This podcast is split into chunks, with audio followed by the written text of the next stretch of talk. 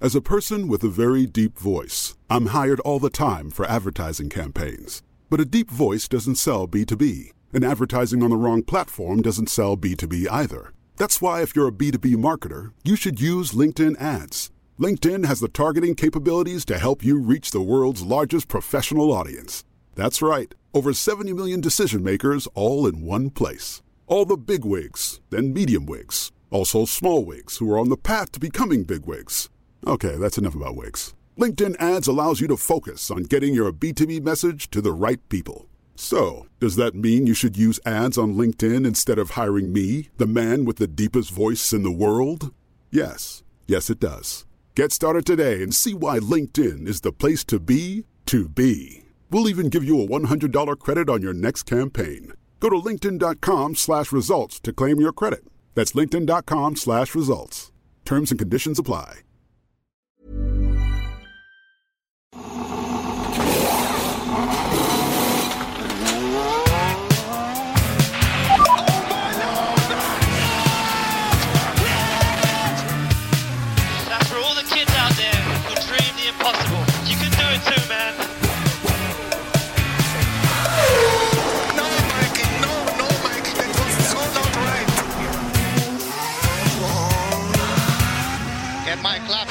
Steering wheel. Steering wheel, claps and steering wheel here. Välkomna tillbaka igen till Plattan i mattan och nu är det avsnitt åtta här. Vi har haft en F1-fri vecka igen, lite halvtrist kan man väl tycka. Och när det är F1-fritt då undrar jag, vad tar du dig till Anna? Jag kollar på Indycar. Au, så du får, din, du får din del av fart och fläkt i alla fall. Ja, fast det var inte så mycket fart och fläkt för svenskarna den här helgen, så att eh, det kändes lite trist i alla fall, måste jag nog ändå erkänna. Vad gjorde du själv? Jag har eh, tagit fram mina golfklubbor. Det har börjat bli lite varmt och just nu så är det ju i Stockholm här 15-16 grader, vilket är ju otroligt. Men jag gissar på att det kanske är ännu varmare på dina breddgrader, eller? Alltså, det blåser ju här jämt. Ja, Man- fan vad det blåser nere på eh, skånska slättarna. Slätterna. Slätt. Alltså, slätt är det ju inte direkt. Eh, Men, Men platt. nej, inte det heller. Det är den värsta fördomen som man har, det är när man tror att Skåne är platt. Ja, fan vad jag står för den fördomen i så fall, om du anser det vara en fördom. Jag anser att det är en sanning. Alltså, cykla upp för backen dit där jag bor, det är icke kul alltså. Men det är också Skånes enda lilla backe. Lilla backe, den är nog 600 meter skulle jag säga, veta. Ja, Och två håll, oavsett vilket håll jag väljer att ta mig hemåt så är det uppför, konstant. ja då fick du slå hål på den fördomen, vilket jag, eh, jag slår hål på den hålslagningen ändå. Fan. Jag har eh, lirat lite Mario Kart annars, för, att, eh, för i vanliga fall när det vankas F1-race, nu, är ju, eh, nu är vi ju ett par dagar ifrån Miami Grand Prix, Och jag brukar ju sätta mig i F1s officiella spel på e-sport på Playstation och alltid lira igenom banorna lite. Jag har gått igenom min, liksom min, min vad ska man säga, min mest seriösa F1-spelsperiod. Men nu när vi kör podden så brukar jag alltid sätta mig in inför racen genom att bränna av ganska många varv, köra träning och kval och race på den bana som ska vara. Men Miami finns ju inte i F1 2021-spelet. Så eh, då har, jag, då har jag rafsat fram de nya banorna på Mario Kart som jag har eh, gassat runt på lite. Som den här lilla sköldpaddan då, eller? Fan vad vi, här, här är vi i olika generationer. Lilla sköldpaddan, det är det du tänker på när du har Mario Kart. Nej, det är faktiskt eh, mina barn älskar att spela Mario Kart och eh, dottern valde väldigt länge när hon var li- lite yngre mellan prinsessan och sköldpaddan. Koopa. Ja, Precis. så, ja, ja, men eh, så är det ju. Det är bra spel för alla åldrar alltså. Absolut. Men du har inte lirat mycket. Du driftar inte och, eh, och håller på. Alltså jag var ju rätt nöjd när de höll på med det där för då kunde jag ju skriva. Aha. Ja, det är bra. Nej, ja, Mario Kart är fan inte så jävla dumt alltså. Hade de på en Aftonbladet-fest här för några veckor sedan så stod det ett Mario Kart framme. Då eh, tog jag med mig Leo Pettersson och Elin Wieslander och lite annat eh, folk på Aftonbladet. Så då brände vi av några Mario Kart-race. Härligt, det kan man ju också göra på en fest om man vill. Inte dumt. Jag ska säga så här att eh, våran F1-quiz-tävling där eh, det lottas ut biljetter till Monacos GP är fortfarande levande. Och nu är det inte många veckor kvar tills vi kommer ringa upp under inspelning en lycklig vinnare av de här två biljetterna. För den som har missat det så är det så att det finns ett quiz som ni kan se lite här och var på Aftonbladet eller på Sportbladets eh, sajt. Där ska man svara på frågor, man ska få alla rätt, printscreena och mejla in sitt svar för att vara med i den här utlottningen. Och det är ju så att vi uppdaterar de här quizfrågorna som du gör Anna, eller hur? Precis, en gång i veckan. Så den här veckan kommer det nya. Det kommer nya på torsdag. Och eh, ja, så har man varit med och eh, lyckats få alla rätt de andra gångerna så kan man göra det igen för att få en lite större chans. Men det är något där, man kan inte liksom sitta och bränna in hur många som helst på samma. Det finns något slags eh, datatekniskt som gör att eh, man inte kan liksom fuska in eh, flera förslag, utan man får, man får, man får göra det när, det när det kommer nya quiz. Vilket det gör som sagt på torsdag. Och då är det ju så här att ju fler som lyssnar på den här podden, desto mer såna här lite roliga samarbeten och grejer kan vi göra. Så det kanske kommer ges nya möjligheter, men det bygger ju på att den här podden liksom växer i antal. Och det ser vi ju att den gör, vilket är otroligt kul. Att det är så många som eh, faktiskt lyssnar. Så vi vill återigen rekommendera er att rekommendera podden för andra eh, F1 och motorsportsintresserade människor eller bara poddintresserade människor eller sportintresserade människor. Har ni någon farsa eller morsa eller mormor eller farmor eller någon kusin som är eh, intresserad av eh, Formel 1 eller som har bara sett Drive to Survive, säg åt dem Skicka en länk på podden, tryck på dela-knappen, tryck på favorit, ge den fem eh, stjärnor på iTunes om man lyssnar där så att vi fortsätter växa och då kommer det bli så här fler roliga grejer. Eller hur, Anna? Ja, jag kunde inte sagt det bättre själv.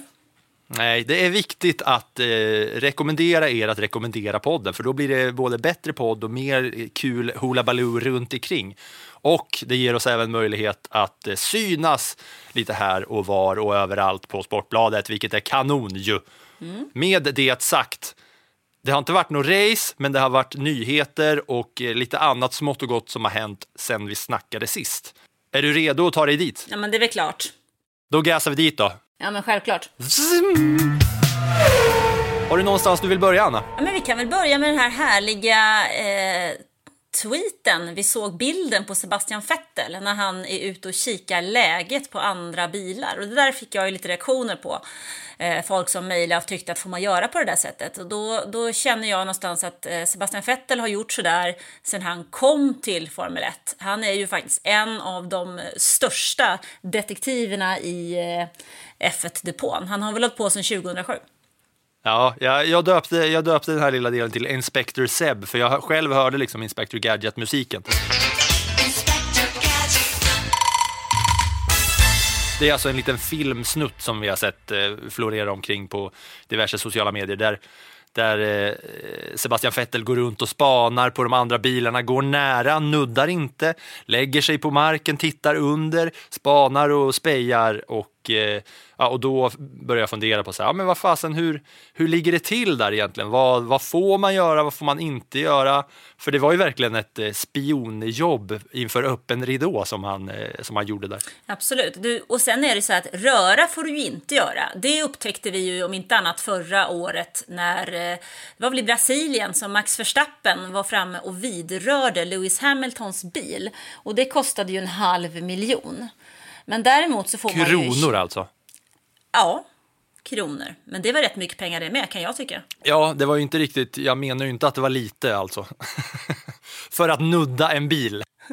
Nej, men å andra sidan så, så för Sebastian Vettel i det här läget, med tanke på den här sköldpaddan då som Aston Martin har tagit fram för den här säsongen, så behöver de ju göra någonting. Nu tog de visserligen poäng med båda bilarna i senaste racet, men de behöver ju ta sig någonstans och ska Sebastian Vettel tycka att det är roligt att fortsätta för det här teamet så måste de ju framåt. Han vill ju i alla fall köra om poäng regelbundet, helst av allt köra om vinster. Och det finns ju inte en möjlighet i världshistorien. Inte en möjlighet. Nej, men det går ju inte med den här bilen som de har just nu. Och uh, Micke Krack som du uh, skrattade åt i vårt första avsnitt här i början av oh, säsongen. Micke Krack, mm. man blir glad varje gång. Ja.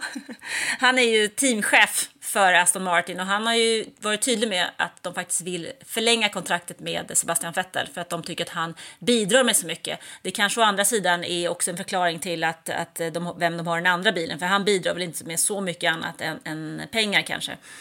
Men de är väl i behov av eh, Fettel, men för att Fettel ska tycka att det är kul så måste de ju ha någonting som kan köra snabbare än en sköldpadda. När Fettel går runt där och spanar och spejar på de andra stallens, eller på de andra teamens bilar, ta, är det så, liksom, kan det vara så enkelt att han ser, ah fan, de har satt den där muttern där, eller deras ving, vinge har den här vinkeln, och så testar man och, och, och, gör något på sin egen bil av det. Kan det vara så att man, man bara kan se på hur en annan bil ser ut och sen uh, testar? Alltså, du skulle ju inte klara det. Nej, verkligen inte. Men jag skulle inte heller klara det. Han klarar säkerligen det.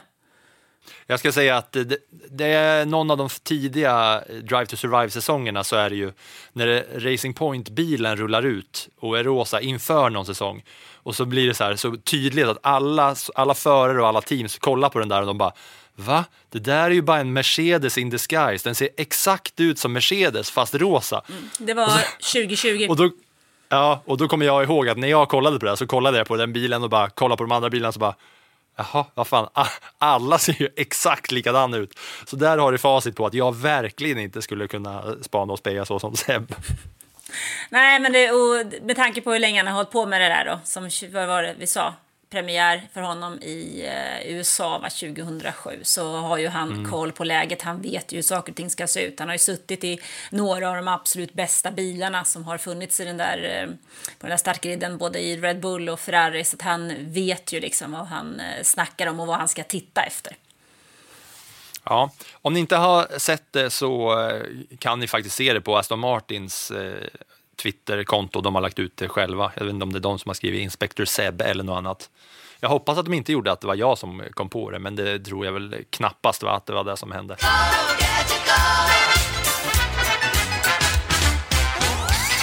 Eh, apropå uppdateringar så är det så att Ferrari har eh, förmedlat lite news om, eh, om sin bil. Mm.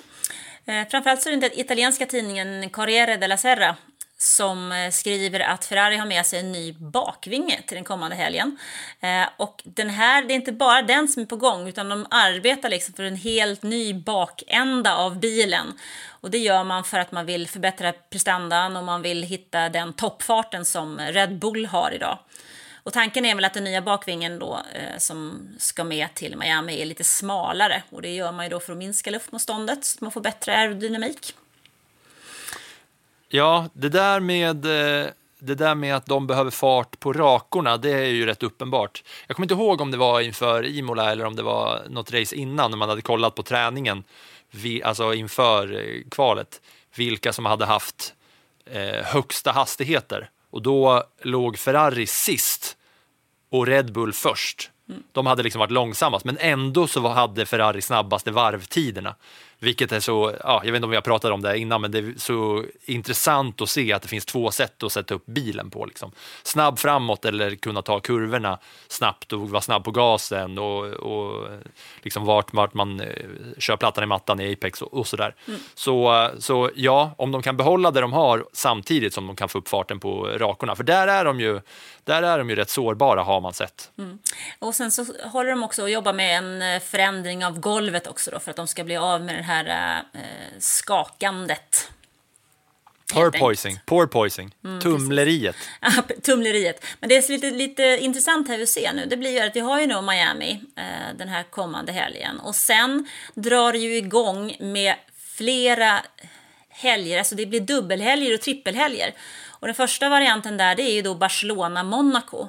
Och Eh, där tror jag till eh, tävlingen i Barcelona, av tradition så brukar det vara så att många team kommer med nyheter just till den helgen eftersom det är en bana som eh, den är väldigt representativ för resten av säsongen och den är bra att testa på. Man vet vad man ska jämföra med. Så att, och det är två väldigt, väldigt o, eller sektorerna där är ju väldigt olika. Att det är liksom vissa bilar är bra på det ena hållet av banan och andra på den andra. Så att eh, man får bra svar när man kör på den banan. Så det brukar vara så att det dyker upp en hel del eh, uppdateringar dit. Så det blir lite spännande att se vad som händer nu då den här helgen och eh, ett par veckor senare i Spanien. Ja, Ferrari har ju förmedlat att de har den här uppdateringen på gång kanske redan nu till Miami då, eller hur? Mm. Ja, det är första delen till Miami, sen så ska mm. den utvecklas vidare. Jag blir extremt taggad på Barcelona alltså, i och med att jag har eh, biljetter till det som eh, ett fan då.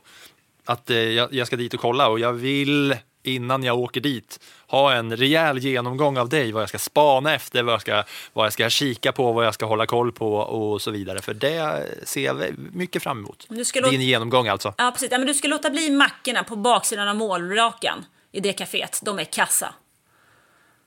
Jaså, när käkade du dem senast då? Det är det gammal eh, jamone på. Ja, det var, när var det då? Det var ju faktiskt precis då 2020 innan det drog igång eh, med pandemin när jag var på de testerna. Då var ju liksom, testerna så inte så många ställen som är öppna för, för käk utan det finns nästan ingenting och pressrummet är en fullständig katastrof.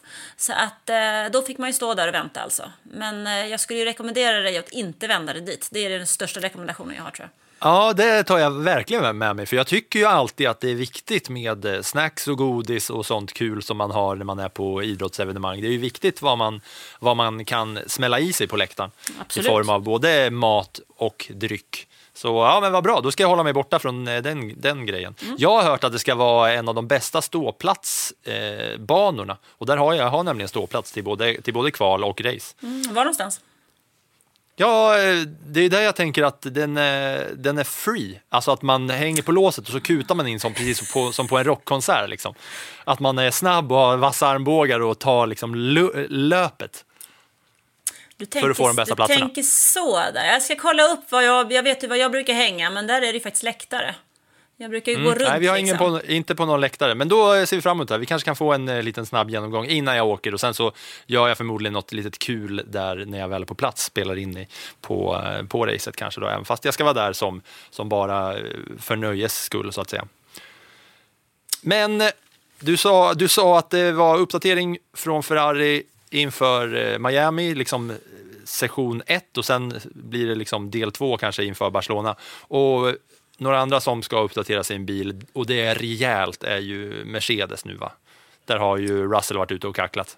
Alltså de måste ju göra någonting. Om de inte tar tag i det här så kommer den här säsongen att vara fullständigt körd. Alltså redan nu så är det ju eh, tufft va. Och om man tittar, han hade ju jätteont i ryggen eh, efter den förra racet. Det var, gjorde alldeles, han menar på att sådär, sådär ont får man ju faktiskt inte ha. Eller man ska inte behöva ha så ont när man kör. För han kämpar ju mot smärtor i både ryggen och bröstet hela racet.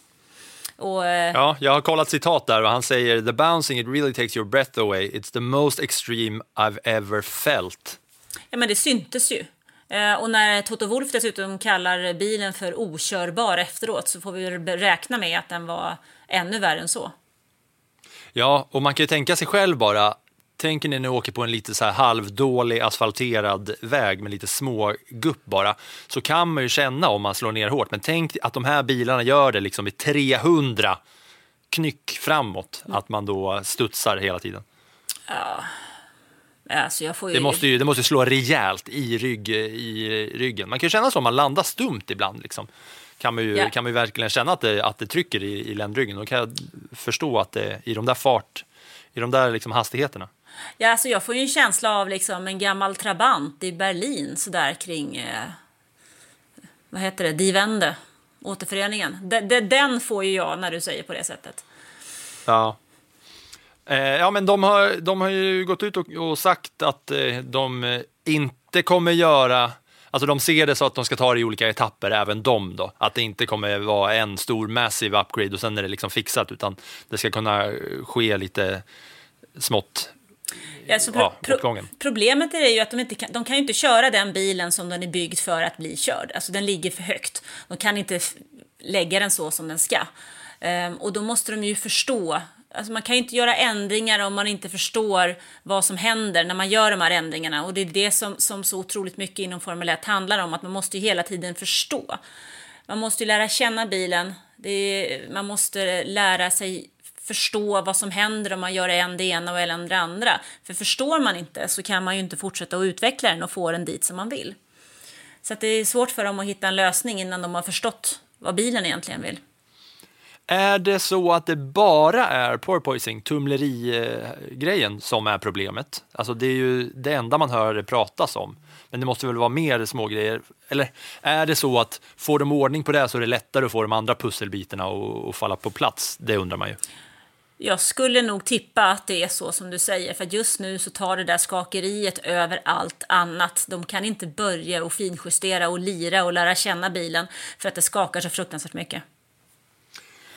Och en annan sak som jag har tänkt på kring det där då, det är ju att efter Imola så får man ju höra på radion hur eh, Toto Wolff kommer in och eh, ber om ursäkt till Hamilton och säger att ja, bilen var helt eh, okörbar, vi ber om ursäkt, förlåt Lewis, bla bla bla bla.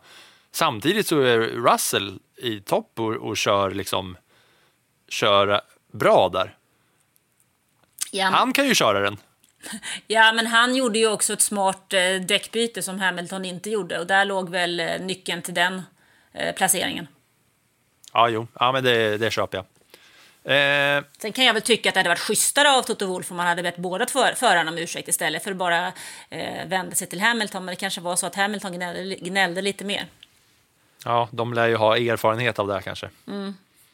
Russell känns lite mer som en snäll pojke som inte gnäller och klagar så mycket, även fast han var ute och svingade lite grann nu då här bland rubrikerna. Ja, alltså jag tror nog att det är nog en liten, vad säger man, ulv i fårakläder eller vad är man säger? Alltså dina uttryck. Det är, de, tillbaks låter ju helt 1840. sjuka. De, de låter ju helt sjuka, men samtidigt så är de säkert standard. En ulv i fårakläder. Ja, det sa min farmor, men hon var född 1910 å andra sidan. Ja, fasen. Det är ju det är bra. Vad betyder det då? En ulv i fårakläder? Ja, men tänk dig en varg som har klätt ut sig till ett får Just för det, att nå det de är andra Russell. fåren. Precis. Innerst inne är han som alla andra ett stort svin. Vem vet? Innan vi ska ta oss vidare från nyheter och snackisar så vill jag fråga om du har sett Red Bulls promo-video för Miami GP med Perez som kör, alltså Perez inom eh, citationstecken då, kör F1-bil från New York till Miami. Alltså det var 11 minuter. En ex- 11 ja, minuter! Och hur lång, hur, det orkar man inte titta på. Fast jag kollade ju och konstaterade ju att föraren som ska vara Perez inte tar av sig hjälmen. Så det är ju garanterat inte Perez. Nej, men det- är, ju, det är ju såklart att det, att det är så. Och där tappar Om de mig inte kan jag säga. ni inte- Ja, men om det är så att ni inte har sett den här eh, promovideon som Red Bull då gör för Miami GP, det är väl någon slags supermediakonsortium. Hoola Baloo, alla i- är inblandade med alla, eh, att det är promo för både Red Bull och för GP. Så är det ju så att de har gjort, som Anna säger, en förskräckligt lång promovideo. Det är som både en reklamfilm för Red Bull, eh, där ändå det ska verka som att det är Sergio Perez kör F1-bil hela vägen från New York ner till, eh, ner till Miami och så händer det massa roliga, eh, roligt hullabaloo på vägen. Jag tänkte jag Den skulle... är ju, den är ju, det är ju så här, om man ser hela och så ser man eh, slutcredits, liksom så här, när det står vilka som har varit med och inblandade och gjort den, så är det ju lika mycket credit som det är för en Oscarsvinnande långfilm. Liksom. Så många är inblandade. Ja, jag tänkte jag lägger upp den där på bloggen sen så kan man titta om man är intresserad. Det går ju att spola Ja. fram också. Och då eh, tycker jag så här, ni som hör på det här, gå in på bloggen, kl- klickar in på det där. För jag försökte förklara det för dig förut, att den är extremt fjantig och larvig, men ändå så är det, är det jävligt fett, tycker jag. Ja, men alltså, den är ju snygg, den är ju snyggt gjord. Den är ju jättesnyggt gjord, men den är ju liksom så överdriven. Den är så, den är så Red Bull på något sätt. Så man liksom bara... Ja. Ja. Ja, men det börjar med att han kör i New York där och så åker han runt och då är, då är det ju alltså, eh, det är ju en Red Bull-bil som faktiskt åker på de vanliga gatorna som de har liksom, då har de spärrat av vägarna och så har de gjort det där reklamskjutet. Då kör de över Brooklyn Bridge och så kör de ner och det är massa så coola landmärken. Så träffar de på massa folk på vägen. Han stannar i någon kiosk någonstans, går in och köper en Red Bull i sina, liksom, i sina kläder. Men det är ju rätt många eh, star vad heter det, appearances i, eh, i den här videon. För, först är det ju en snubbe, när, de kommer ner, när han kommer ner till Miami så kommer det ut en krokodil på vägen och så stannar han bilen. Då kommer det fram en snubbe som ska ge han så här directions om hur han tar sig till Miami. Och det är ju Parks Bonifay, Bonifay, ja, något sånt. Eh, han är ju professionell wakeboard-kille. Sen är det en tennisspelare som är rankad 17 i världen, Riley Opeka. Och sen är det Byron Jones som är cornerback i Miami Dolphins i NFL-laget. Arenan eh, där de spelar är ju precis där Miami GP ska hållas. Och sen är det ju två eh, världsskatare också, Cian Wright och Jamie Foy som är med, som bara dyker upp så här, när, han, när den här Red Bull-bilen åker förbi som, som skatar och, och kör. Cian Wright eh, var ju med i typ, jag tror att han var, tävlade i OS för, för USA. Men det är väl bara för att ska man ha folk som orkar kolla i 11 minuter så måste man väl ha någon, nå- någonting att få dem att kolla på. Då är det väl deras fantastiska idoler som man vet att de här är med. Så kan man med och Mm. or- orka titta. För jag kan säga att jag... Eh, du sa till mig att jag skulle ta en kaffe, men jag hann ju dricka sju kaffe på de här 11 minuterna. Ja, kaffe i kanna menar jag ju såklart. Ja, men typ. Jag, spä, jag smällde upp den på min 75-tums tv och på uh, det stora ljudsystemet. Så att det var, det var liksom, den, är, den, den här promovideon är gjord för bioduken. Kolla på den och så kan ni garva och tycka att det är lite roligt och fult och kul samtidigt. Den kommer på bloggen alltså, så där kan ni klicka er in på den. Nu tar vi oss vidare. Vi ska ta oss, även vi, från den här Red Bull promo-videon ska vi ta oss mot Miamis GP, men vi ska göra det via vår F1-skola där Anna svarar på frågor. Question Och F1-skola är vad vi kallar det när jag och läsare och lite folk runt omkring ställer rimliga frågor till Anna angående Formel 1 och saker man undrar över. Och vi kan börja med en lyssnarfråga som vi har fått på mail den här veckan som är skriven från Johan Jansson Lack. Han skriver så här. Hej Anna! Som mångårig följare av F1 och din blogg är jag väldigt glad och tacksam över den nya podden Plattan i mattan. Du gör ett kanonbra jobb där. Det är riktat till dig bara, inte till mig. Så bra Anna, du är bra i den här podden. Jag däremot, jag har lite att, eh, jag har lite att förbättra. Men det är, det är sant, det har han rätt i, Johan Jansson Lack. Eh, här kommer frågan. Jag har en potentiell lyssnarfråga. Hur jobbar F1 konkret med hållbarhet och återbruk av resurser? Vad händer exempelvis med förbrukade däck? Vänliga hälsningar Johan Jansson Lack. Det där är ju en himla intressant fråga faktiskt. Eh, och det är inte många som vet att eh, Formel 1 satsar på att vara klimatneutrala till och med 2030. Och det är lätt att tänka här att, att den stora boven är bränslet och att de släpper ut så mycket bränsle, de här bilarna som går så fort. Men det är ju faktiskt inte så. Utan eh, om man tittar tillbaks så 2019 så gjorde eh, F1 ett koldioxidavtryck på 256 551 ton. Men bi- Vänta nu, bara- stanna bara upp där. Tänk på de här siffrorna en gång till, för att det är lätt att de bara åker in i ena örat och ut i andra örat. 256 551 ton koldioxid. Tänk dig bara ett ton koldioxid, det är ganska mycket. Det är väldigt Tänk, mycket. tänk, tänk 100 ton av någonting. Och det är alltså 205, 256, 256 000 ton. Ja, men det är så mycket som man inte fattar. Men det som är intressant det är att bilarna själva står för 0,7 procent av de utsläppen. Det som står för utsläppen det är ju logistiken som man har för att få runt cirkusen. Det är 45 procent. Men då räknar man inte med resor och hotell för alla F1s anställda och större sponsorer. För de bidrar med ytterligare 28 procent. Det är alltså över hälften är ju hela cirkusen, allting runt omkring. Och när man hör de siffrorna så börjar man ju tänka så här, alltså, tänk till när ni gör kalendern. Det här, den här lilla avstickningen till Australien, är den verkligen värd det? Och värd att göras varje år? Det är ju jätteroligt naturligtvis med alla fans och det var full fart. Men ska den verkligen gå från, alltså Australien ligger ju längst bort i ingenstans. Ska den verkligen gå då från Saudiarabien till Australien? Eller skulle man göra som man har gjort tidigare, att man ser till att man har Singapore, för det är i alla fall en normal mellanlandning för att ta sig till Australien. Eh, och nu var vi i Imola förra veckan och sen sticker man till Miami och sen tillbaks till Europa. Det är ju där någonstans som jag kan tänka att, alltså, tycka personligen då att F1 måste, måste tänka till. Nu har det naturligtvis varit svårt med pandemin här de senaste åren, men just när det gäller de bitarna så, så är det resorna och logistiken. Där får man ju se till att det tänks till inte bara två gånger utan tre och fyra gånger. Ja, och där, där, där ser man ju om man kollar på schemat så vet man ju att det är ju flera race i närheten av varandra i Europa och det är flera race i USA. Och, eh, bara, bara genom att slå ihop dem så att de är efter varandra sparar man ju rätt mycket eh, så att säga. Ja, men det gör man ju. Eh, sen är det klart att bilar och sånt där går ju tillbaka till fabrikerna så man ska gå igenom och se om det har varit några... Eh, man röntgar ju bilarna för att se hur de ser ut inuti efter ett race och sådana saker. Men man skulle nog ändå kunna spara betydligt mycket mer genom att ha racen i USA, Kanada, Sydamerika ungefär samtidigt. Ehm, och Asiensväng tillsammans och sen Europa tillsammans. Jag är ingen expert på just den här biten men eh, det låter mer rimligt.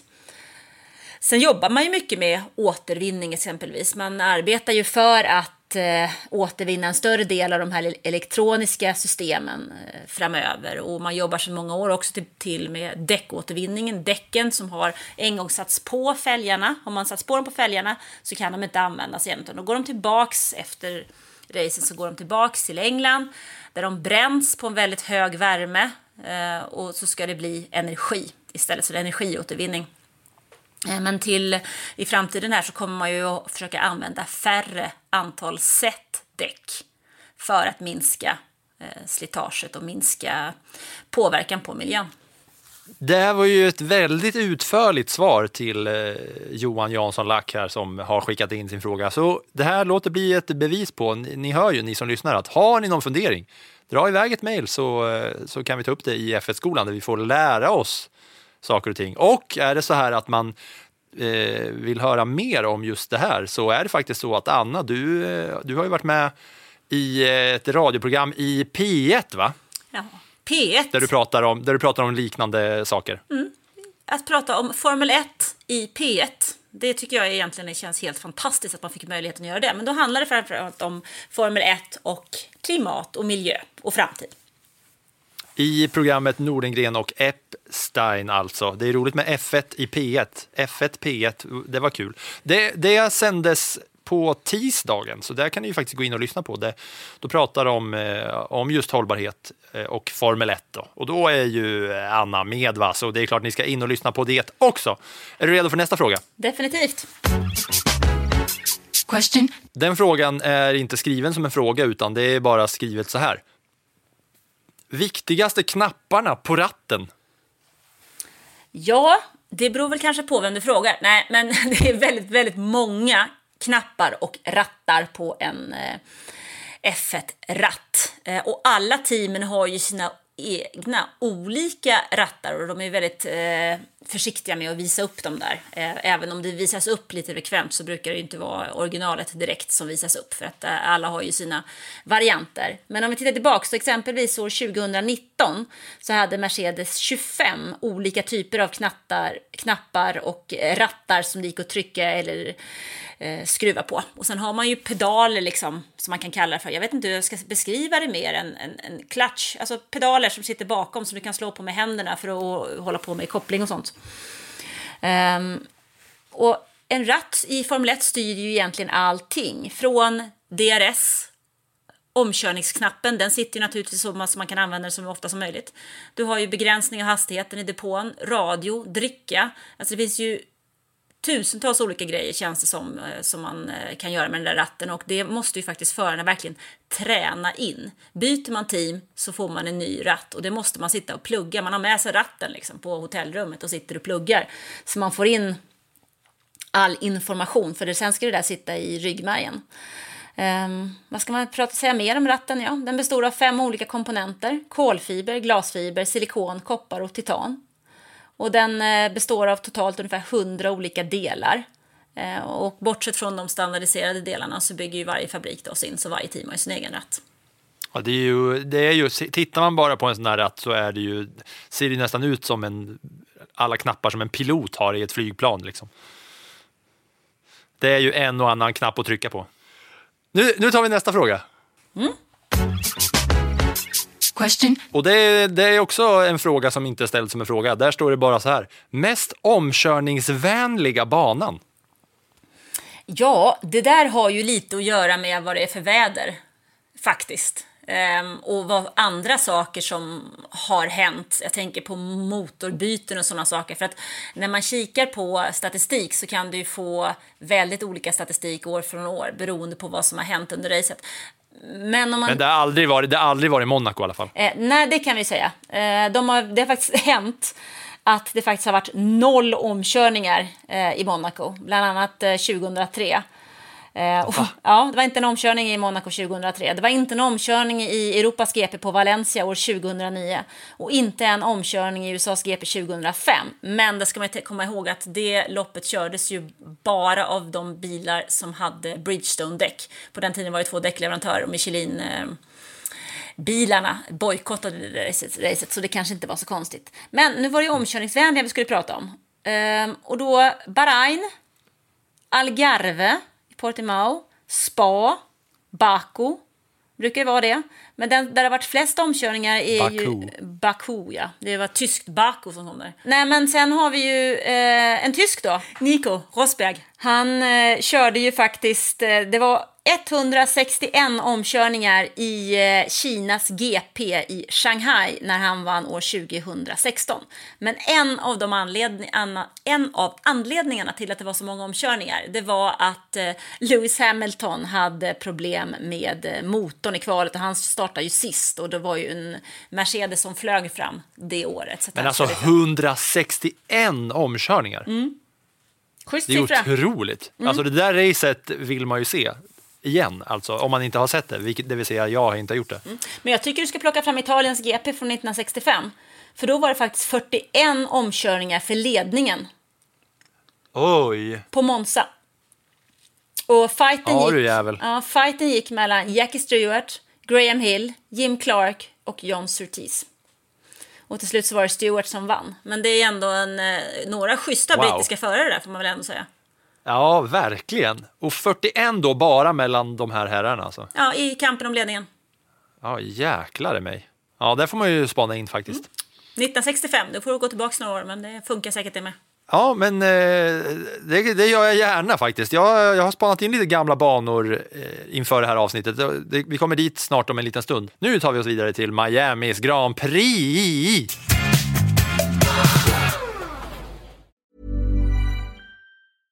Finding your perfect home was hard, but thanks to Burrow, furnishing it has never been easier. Burrow's easy to assemble modular sofas and sectionals are made from premium, durable materials, including stain and scratch resistant fabrics. So they're not just comfortable and stylish, they're built to last. Plus, every single Burrow order ships free right to your door. Right now, get 15% off your first order at burrow.com slash ACAST. That's 15% off at burrow.com slash ACAST.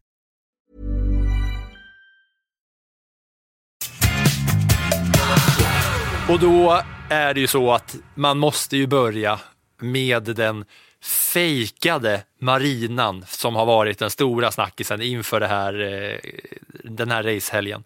Om det är någon som inte har sett det så är det ju så att längst bort på banan där, där det vänder, jag vet inte om det är kurva 13 eller 14 eller sånt, eller om det är båda två i ett, eh, så är det en, har, har man sett då, där de bygger banan så har, står det liksom massa båtar på torrt, torr mark. Det står torrlagda båtar där. Och det här är för att jänkarna vill att det ska få den här glansen och glamouren som Monacos Grand Prix har kan jag tänka mig. Där det står liksom lyxjakter längs med banan. Så då har de bestämt sig för att fejka en jaktklubb som är där. Det finns liksom promofilm på, på att den där kurvan är så här, the, the Yacht Club Marina eller något sånt. Då har de ställt dit båtar och så ska de då trodde man, fylla den här kurvan med vatten inuti den här. Men det visar sig att de ska inte ens fylla den med vatten, de ska bara rulla ut eh, någon slags eh, linoleummattor som ser ut som vatten när man, eh, när man zoomar ut. Vad är det för jäkla cirkus som vi, som vi landar i här? Ja, men jag förstår faktiskt inte varför du är så himla upprörd. Alltså, tänk... Jag är inte upprörd, Ja, jag är himla, liksom, förundrad. eh, Förundrad, exalterad. Alltså, vi är ju i ett land här, alltså i USA. Vart åker man för att se pyramiderna? Jo, man åker till Las Vegas. Vart åker man för att uppleva vintern? Jo, hurra, man åker till en djurpark. Och vart åker man för att se ett eh, Himalaya eller ett eh, Eiffeltorn? Jo då, man åker till Disney World. Så det är väl inte så svårare än att man åker då istället för att åka till Orlando så åker man till Miami och sitter på en båt liksom. Det är väl Ja, ganska och- typiskt känner jag. Ja, jag tycker att det är så... En del av mig tycker att det är så jävla patetiskt. En del av mig tycker att det är, ja, det är så jävla väntat och patetiskt. Men en del av mig tycker också, vad fan kan de inte göra det bättre? Det är ju liksom skitdåligt gjort. Om de ändå har de här grejerna, man tänker hur mycket pengar de har lagt ner. Kan de inte då i alla fall lyckas göra det snyggt? Och där har man ju sett också de båtarna som har stått där. Nu fattar jag att det kommer förmodligen vara stora sponsbåtar som har, eh, ja, där vissa personer får betala orimliga eh, summor för att eh, kunna få vara där och det ska väl på dekaler och grejer. Men alltså båtarna som man ser står där nu, det är ju så här, det är inga, det är inga du- dundervrålåk i båtväg, utan det är ju nästan vanliga båtar på de bilderna man har sett. Ja, du, får ta en sån här eh, vattenslang då och fylla på lite vatten där så känns det bättre. Alltså badkar. Ja, alltså eh, om ni inte har sett de här bilderna så eh, vi har gjort en artikel om det på Sportbladet och så finns det ju överallt på sociala medier där man kan se hur, hur många roliga memes det har gjort. För att det ska ju alltså inte vara vatten. Och jag tänker ju på alla de här eh, klassiska videorna när det är ryssar, oftast ryssar, det är väl lite att dra alla över en kam, men låt mig säga eh, gruvfylloryssar då, som ska göra kanonkula när de tror att det är eh, när de ska göra kanonkula i vatten på vintern. Men så visar det sig att det är is. Har du sett några sådana? Eller? När, de, när de kommer, de är oftast packade som satan. Och så kommer de, så hoppar de upp, ska göra kanonkula, så landar de, så är is, så är det is där. Och jag tänker mig bara att en sån grej vill man ju se här. Någon som vinner. Tänk dig att Daniel Ricciardo vinner racet och ska göra kanonkula i, i, jakt, eh, i marinan här i kurva 14 eller vad det är. Så hoppar han, gör kanonkula och landar på stenhårt eh, blått golv. Det känns väl som att det är en eh, McLaren-förare som skulle ta sig en sån grej va? Ja, jag, vill, jag vill baska mig se det. Eh, någon som gör det. Eh, har vi snackat färdigt om den där marinan där eller? Ja, kan vi göra. Jag har skrivit upp så här att det här är ju en bana som gör debut. va? Innan eh, när vi, har, när vi snackar upp ett race här så brukar vi ju snacka om tidigare vinnare och sådär. Så det finns ju inte några sådana eller någon annan statistik kring den här banan innan. Så då gjorde jag så att eh, jag spanade in vilka race som har gjorts som bara har, som har debuterat i F1, alltså Grand Prix då, så att säga, banor, som bara har visat upp sig en gång, som har dykt upp en gång och sen fick de aldrig mer komma tillbaka. Kan du ta någon på eh, on top of your head? On top of your head. Ja, Bara en gång. Det här kommer jag inte klippa. Bara en gång. Ja, det finns väl antagligen några för länge sedan som jag inte kommer ihåg. För den som jag tänker på är ju typ så här Portimao, men som var med nu, nu för något år sedan i Portugal där. Men det var ju mer än en gång. Eh, Och sen fanns ju eh, Sydkorea fanns ju också med, men det var också ett eller två, eller, alltså ett par gånger. Inte Ja, bara det, är många, en det, är gång. må, det är många banor som har varit med två gånger. Alltså som har varit med, eh, ja, som har gjort- ett race och sen har de fått ett till. Bland annat då som vi har snackat om, Caesars Palace i Vegas när de körde på parkeringen där bara på en riktigt trött bana. Nej, nu får du upplysa mig. Och det började i Pescara 1957. Ja, då var jag då inte var ens i närheten av att vara påtänkt, så det var helt okej att jag inte kan. Ja, det tycker jag verkligen. Det är ganska många som, som eh, eller ja, jag ska säga så här. Alla förutom två är helt okej att inte komma ihåg. Men den här eh, framförallt, framför allt, och det var ju den första som bara var med en gång och då körde man på helt vanliga vägar längs eh, vattnet. Det hette typ Kopp Coppa Acerbo eller Acer- Acerbo efter någon gammal italiensk fascist som, eh, som hade det där. Det var ju på, på, eh, ja, under sådana tider. Men sen lite senare så döpte man om det här då när man kollar tillbaka på det historiskt av rimliga politiska skäl. Då man kanske inte vill förknippas med den här gamla Acerbo-fascisten. Så nu eh, historiskt heter det bara Pescara GP. Det var 57. 58 så, fick, så kördes det ett race i Casablanca, Marocko. Och sen finns det en eh, rolig annan bana som kom in 59 i Berlin. Avus såg jag att den hette. Den hade fyra kurvor. Det var bara två långa raksträckor, en, eh, en sån 180-sväng och sen ah, några små, små svängar. 59, det var lite andra tider då. Sen så var det en i eh, Portugal, Lissabon. Circuito de Monsanto, 59 i Lissabon. Den fick, den fick vara med bara på grund av det fina uttalet. Eh, sen har Florida haft den innan, Sebring Racing, också 59. Det var mycket där, 59, 57, 58, 59. Det var ganska många där som eh, gjorde ett appearance. Det var väl nytt och fräscht och kul och alla ville in och känna på det. Det var en annan bana i USA också, Moreno Valley, Kalifornien. Den banan såg ut som en stämgaffel. Sen var det på, en fly, på ett flygfält i Österrike 64. Seltweg Airfield. Det måste ha varit på, på, eh, ja, på något flygfält där. Sen var det Bugatti Aumans som är eh, någon slags del av Le Mans-banan. I, alltså 24 timmars racebanan, någon liten del av det eh, som var med 67.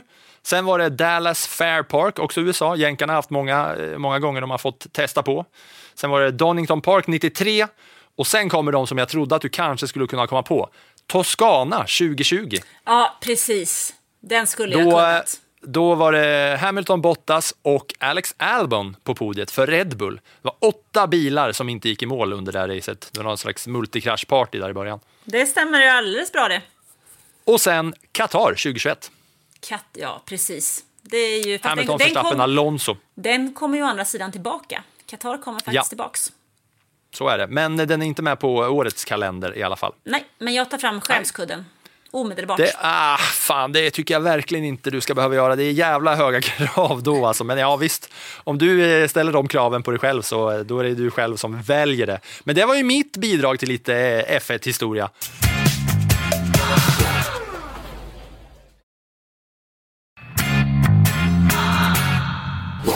Och nu tar vi oss tillbaka till Miami igen då. Vad har vi för upplägg på den här helgen? Ja, men det här är ju en eh, stadsbana. Eh, Den ska faktiskt gå i närheten. Har man varit i, i Miami eller flugit dit eller, eller kört bil där så har man säkert kört på Miami Turnpike. Turnpike? den? Toads Turnpike. Ja, det är Mario Kart-referens där. Den här eh, stora motorvägen som går i Miami, betalvägen. Eh, och den ska faktiskt gå in till racet och vara öppen under racet. Man har fått fippla till lite med reglerna där så att det är okej. Så det gäller ju att det inte är någon som får för sig på motorvägen att stanna och kolla racet liksom. Då blir det lite jobbigt.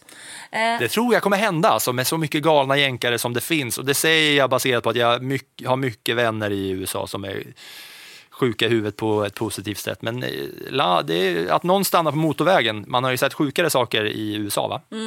absolut. Håller med. Jag själv kanske också hade ställt mig på stanna till och, för att spana. Det är ju en bra plats. Ja, precis. Men eh, vad säger vi om banan då? 5,4 kilometer, 57 varv. Man kör motsols. 19 kurvor, 12 vänster, 7 höger. Det här är ju en bana som hyllas av förarna som har kört den i simulatorn.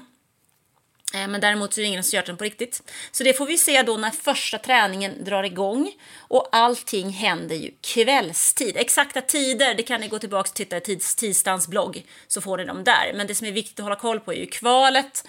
Med start klockan 22 på lördag och racestarten 21.30. Eh, att... eh, Det blir ju kul att sätta sig bänkad på kvällen. Det är, det är väl eh, nice ändå. Kanske inte att, man går, att det är så härligt att gå och lägga sig med hög puls efter, efter ett race då, in, inför jobbvecka. Men ja, jag tycker det ska bli kul med kvällsrace. Men Det är kul att lajva det också känner jag faktiskt. Det blir lite kul att köra igång live på en bana som man inte har sådär jättebra koll på och där det liksom kan hända lite grejer. Mm. Kom ihåg det ni som lyssnar att in på Sportbladet då under kval och race för att hänga med mig och Anna i vår live-rapportering på sportbladet.se. Något mer då du tänker på inför Miami? Jag tycker det ska bli spännande att se baserat på det Ferrari och Mercedes har sagt om att de ska komma med uppgraderingar då på sina bilar för att lösa tumleriet. Eh, det ser man ju fram emot vad, hur mycket de har fått ordning på. Det lär man väl se redan på träningen om, om de har fått det eller inte. va?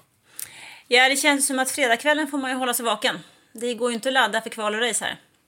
Nej, och så får man ju hålla koll då för att det kan ju vara lite avgörande för hur man ska göra med sina motormanager-lag baserat på hur, hur de här uppdateringarna, uppgraderingarna eller uppdateringarna påverkar bilarna och sådär.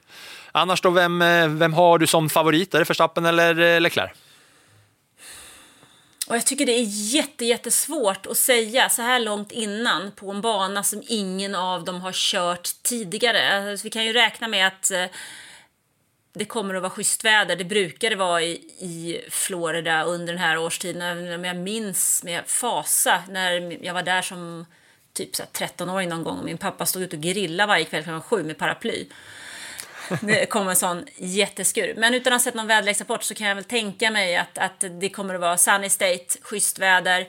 Sen har det ju helt och hållet att göra med hur banan fungerar och hur däcken fungerar. Vi har ju ett ganska mellanval där, C2, C3, C4. Så att jag har lite svårt. Jag känner att jag, jag, ska inte, jag kan inte ge dig någon just nu, utan jag måste nog få känna efter lite grann tror jag. Vad säger du själv? Eh, Jag tror Perez vinner bara för att han, eh, om man har sett den där videon, åkte till Miami för tidigt. Så han har varit där länge och kunnat akklimatisera sig. Därför, därför tror jag på Perez. Du tror på Perez alltså. Men vem Nej, tror men du var bli- den där hjälmen då? Var det Albon eller? Var det liksom att den är så gammal? Eller är det liksom, har de hyrt in Gasly? Eller Jag tror att det är The Stig från, eh, från Top Gear. Kanske är... Garanterat. Det är, det är ju den enda föraren som aldrig tar av sig hjälmen. Det gjorde han väl aldrig, eller? Du vet vem jag pratar om? Jag vet vem du pratar om, men jag har aldrig sett honom utan hjälm. Nej? Det, nu kanske vi är helt snett på det och, och blottar våra okunskaper och in, att vi inte har sett alla avsnitt och läst alla Flashback-trådar om, eh, eller Reddit-trådar om eh, Top Gear och det Stig då. Men det är ju en klassisk filur, va? Man har koll på. Jag tror att det var han som körde såklart Red Bull-bilen genom eh, de olika staterna i USA. Kolla på den filmen så kan ni garva lite. Innan vi avslutar det här avsnittet så kommer det bli en liten svensk koll, svensk koll och så ska vi dra lapp i backspegeln. Häng med!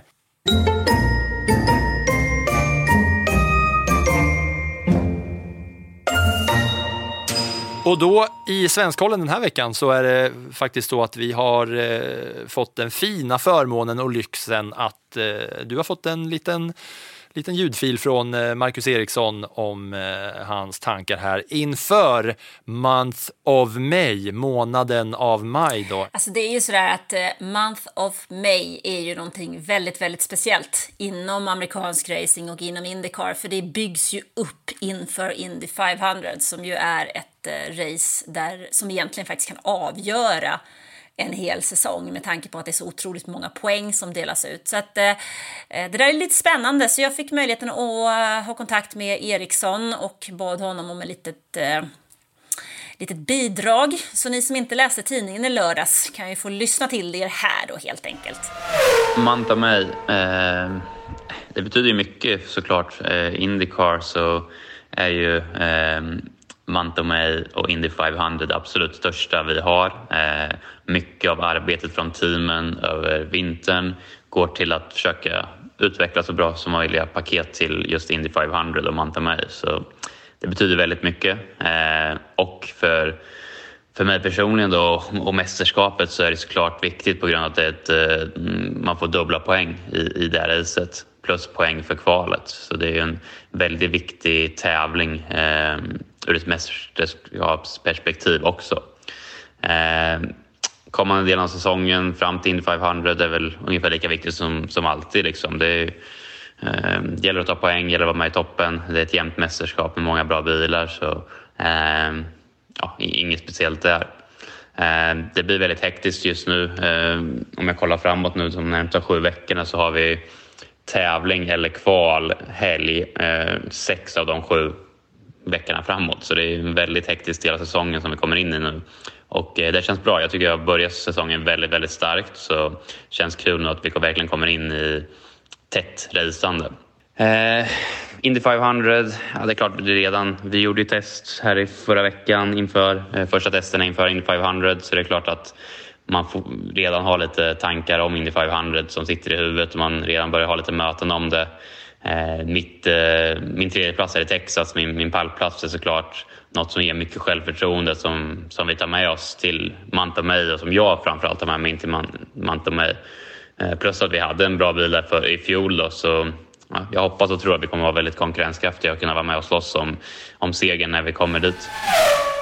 Eh, de började faktiskt eh, med race i Alabama den här helgen och då såg det ju bra ut för Felix Rosenqvist efter kvalet. Han startade i tredje led medan Eriksson gjorde en miss och startade betydligt längre bak efter att ha suttit fast i eh, med sin bil där och missat avslutningen av kvalet. Han tog sig helt enkelt inte vidare. Men i racet så var det helt enkelt så då att eh, Rosenqvists depågäng räknade fel. De hade inte koll på hur mycket bränsle som fanns kvar. Så att eh, han kunde inte attackera utan han fick ju av på, temp på tempot där och rasade ju i fältet. Liksom. Eh, nu måste de analysera vad det var som har hänt. För det är någonting som inte stämmer när alla bilarna runt omkring kan attackera och han fick börja spara bränsle alldeles för tidigt. Så det var inget vidare. Eh, kollegan, hans kollega hos McLaren, Pat Award, vann ju loppet. Eriksson hade inte heller någon lyckad dag. Han slutade 12 och i 10 i totalen, bäst av svenskarna. Men det finns faktiskt en positiv grej att ta med sig från den här helgen. Vet du vad det är? Verkligen inte. Linus Lundqvist. Men han kör inte Indycar va? Han kör under. Han kör Indy Lights. Indy Lights är ju serien under Indycar. Och i amerikansk racing, till skillnad från europeisk racing, så finns det ett stipendiesystem. Så att vinner du en klass så kan du liksom avancera och få, få hjälp liksom, eh, och, och ta dig vidare. Lite grann som, som college och alltihopa inom amerikansk idrott. Eh, och Linus vann på Barber Motorsport Park, så han leder Indy Lights. Yay! Mm, det är lite kul tycker jag. Verkligen. Så vi får väl vara glada åt det vi kan vara glada åt. Det tycker jag absolut. Eh, Jag vill säga då här till er som lyssnar som, som känner att ja, men jag har noll koll på Indycar. Och jag, jag lyssnar på den här podden för F1. Men det är fan mig kul. Jag har ju börjat sätta mig in mer och mer. Eh, om man spanar tillbaka flera år bakåt så har jag ju, visst, man kanske kollade någon gång när Kenny Bräck körde. Han har vunnit Indy 500, eller hur? Han är den enda svensken Yes. som har vunnit Kenny, Kenny Bräck. Legend. Men vi hoppas på, på fler då. Men det är ju inte så dumt där i Indycar ändå. Alltså, ja, de enda ovalracen, eller vad man ska säga, de banorna som bara går runt, runt. Det enda jag har sett där är väl liksom Lightning McQueen typ i Cars.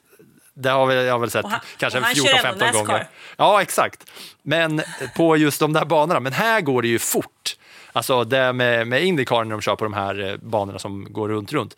Det är ju rejäla snitthastigheter där. Jag tror jag kollade på, ehm, alltså om det, jag kollade bara på Wikipedia-sidan där han som har banrekordet kör i snitt typ så här 360 km i timmen eller något sånt. Och varför Indy 500 då? Jag talar ju nu inte till er inbitna som har lika bra koll som Anna, utan jag talar till er andra som likt mig själv inte har kollat på Indycar genom alla tider. Så är ju det här ett superklassiskt race och så pass, eh, vad ska man säga, så pass fint och hedersamt att det delas ut dubbla poäng just under det här eh, racet som är då 29 maj där vi har våra två svenskar, vilket är ganska unikt. va? Mm. Eh, alltså, vi har ju haft nu två svenskar i Indycar under en, ett par års tid. Men eh, den 29 maj där så avgörs Indy 500 för 106 rättegången. Och det där är ju ett event som pågår liksom, kvalet är en vecka innan och hela månaden av maj så bygger man ju upp. Nästa race kör på en vanlig traditionell bana, GP-slingan, utanför, eh, också i Indianapolis, men utanför den här eh, ovalen, då, den här som vi alla känner till. Eh, förarna har sina egna gator i Indianapolis, det är ett jätteevent. Så ska man åka på någon riktig happening vid sidan av många av de coola F1-banorna så är det där faktiskt en eh, häftig grej. Mm. Och de får alltid till det också, amerikanerna, med sina uttryck. Month of May, det är ett helt vanligt, det är helt vanligt bara månaden maj, men det är ändå så här uttrycket för just det här när det är Indy 500, eller hur? Det är roligt. Det är samma sak som de har i collegebasketen så är det March Madness också. Det brukar alltid vara. Jag var ofta i USA under mars-april och då var det alltid när jag var där, det var så extremt kul att sitta på barer, kolla på collegebasket när det var March Madness. Jo, men amerikansk idrott är ju härlig. Den är ju häftig liksom. Man vill ju ha sett, man vill ju ha sett liksom NFL, NHL, NBA på plats. Även om jag tyckte att NBA var helt värdelöst. Ja, ja, jag, ja, det, ja, NBA är kul. Eh, Jag har varit på, jag har, det jag har kvar av amerikansk idrott är NFL och MLS. NHL och NBA sett. och baseball. MLS, alltså... Ja, alltså jag är ju inte någon fotbollsnörd alltså. Långt ifrån. Nej, det är bra. Det är bra. Vi behöver, vi behöver mindre fotbollsnördar i det här landet, fan mig.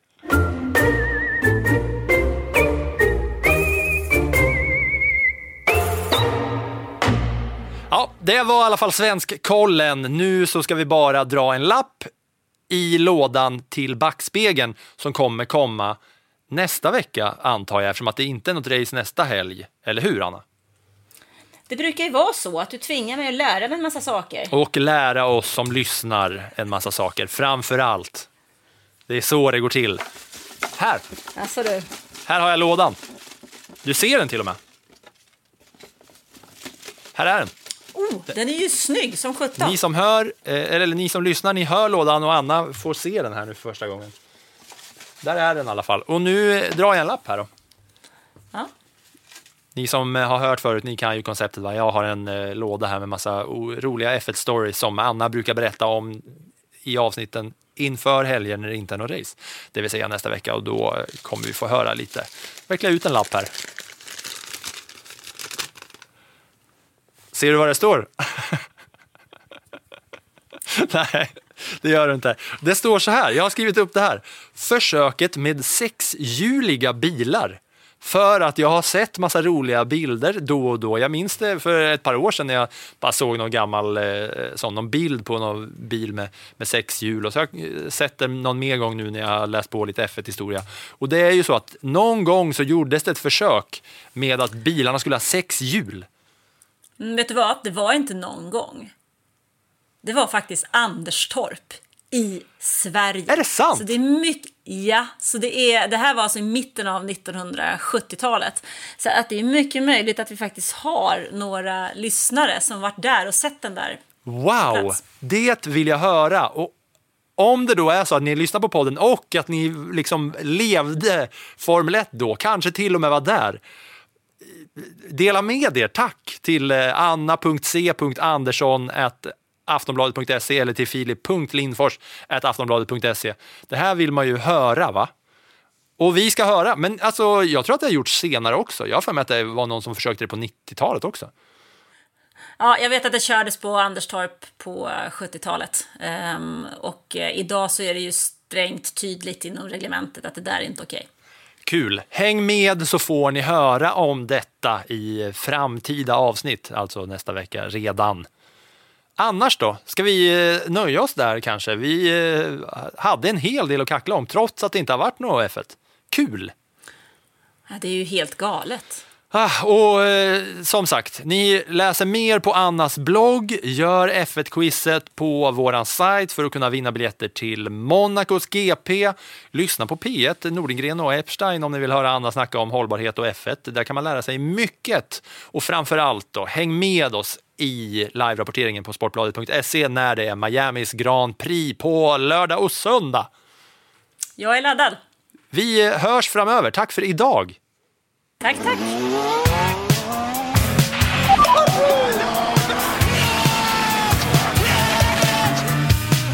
Now for all the kids out there who dream the impossible, you can do it too, man. No, Mikey, no, no, Mikey, that was so not right. Get my gloves and steering wheel.